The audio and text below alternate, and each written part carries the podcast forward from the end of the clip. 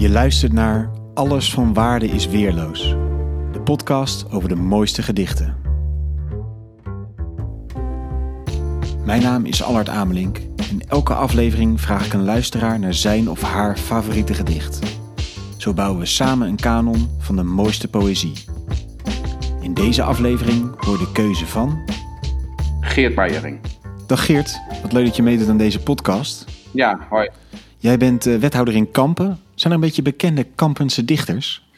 Nou, ik denk dat er wel een uh, aantal uh, bekende dichters uh, zijn. Eentje is bijvoorbeeld Hans Bouma. Heeft heel veel, ja, zeg maar, christelijk getinte gedichten gemaakt. doet hij nog steeds. Um, en een andere hele bekende is Ida Gerhard. Die, um, zeg maar, rond de Tweede Wereldoorlog jarenlang in kampen heeft gewoond en gewerkt.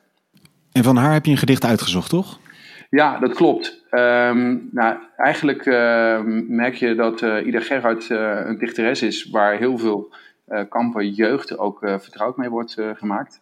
Um, toen ik zelf op de basisschool zat, moest ik ook een gedicht van haar, wat heel bekend is, uit mijn hoofd leren. Het Carillon. Dat gaat eigenlijk over Um, de Tweede Wereldoorlog, waarin uh, de bijaardier van de Nieuwe Toren in, Kampen uh, in oorlogstijd een uh, lied van Valerius speelt om mensen een hart onder de riem te steken. Dus het is echt een dichteres die in Kampen bekend is en ook heel erg gewaardeerd wordt. Um, zij heeft heel veel uh, ook inderdaad uh, uh, kerkelijk getinte gedichten geschreven.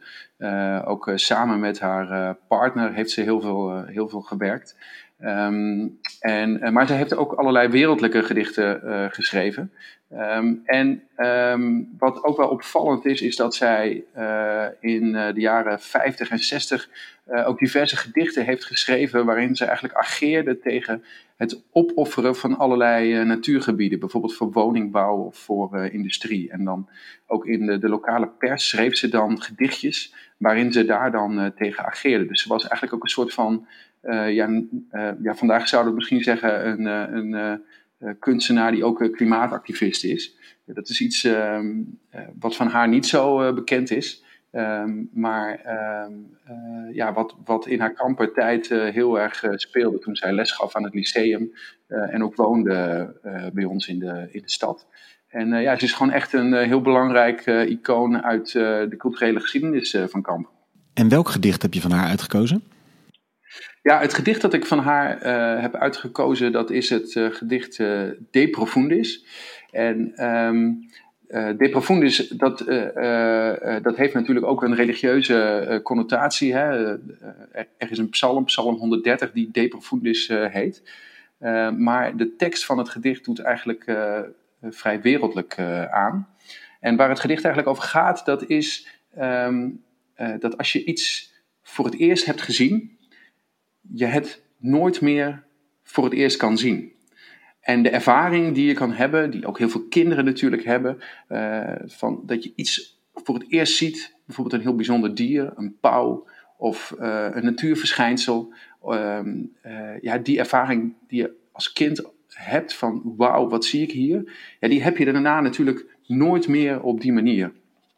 En uh, toch denk ik dat dit gedicht ook uh, voor ons uh, in coronatijd wel iets te vertellen heeft.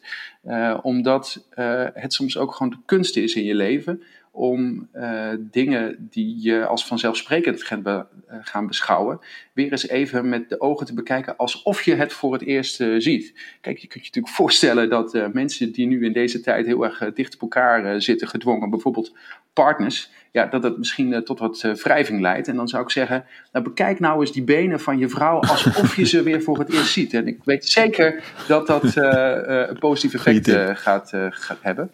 Maar ook met een nog iets serieuze ondertoon van wat je eigenlijk merkt nu we met elkaar thuis zitten. Um, en deze crisis ons, ons parten speelt.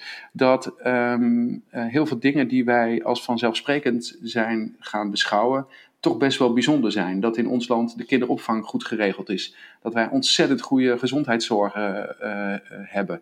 Uh, dat zijn dingen die we heel vaak als vanzelfsprekend beschouwen. Maar waarin je nu in deze tijd eigenlijk merkt van... Jongen, dat is hartstikke bijzonder. Want het gebeurt natuurlijk eigenlijk... ook buiten deze coronacrisis gebeurt het gewoon iedere dag dat er waar ook ter wereld mensen bij bosjes overlijden ten gevolge van allerlei ziekten die daar niet bestreden kunnen worden. Terwijl wij in Nederland een medische standaard hebben waardoor al die ziekten wel goed bestreden kan worden. En nu worden we geconfronteerd met een ziekte die um, ook ons in de greep heeft. En ja, dat maakt op een bepaalde manier ook wel nederig, vind ik. En ook wel, um, uh, maar ook wel weer dankbaar dat je merkt van hé, hey, maar uh, ja, dit is ontzettend beroerd. Maar onze standaard in Nederland is hartstikke hoog. Dat zien wij nu wellicht weer op een bepaalde manier als voor het eerst. Um, ja, en daardoor moest ik ook aan dit gedicht van Ida Gerhard denken. Vertrouwde dingen met nieuwe ogen bekijken. Ja. Ik ben benieuwd. Ja, ik zal het voordragen. De profundis. Hadden wij nimmer nog zwanen gezien, zouden wij hen op het water ontwaren. O, wij zouden van vreugde vervaren, lachen en schreien misschien. Hadden wij nimmer nog zwanen gezien, vlogen zij over met ruisende slagen. O, wij zouden dit duister verjagen eindelijk bevrijd zijn, misschien. Dankjewel, Geert. Graag gedaan.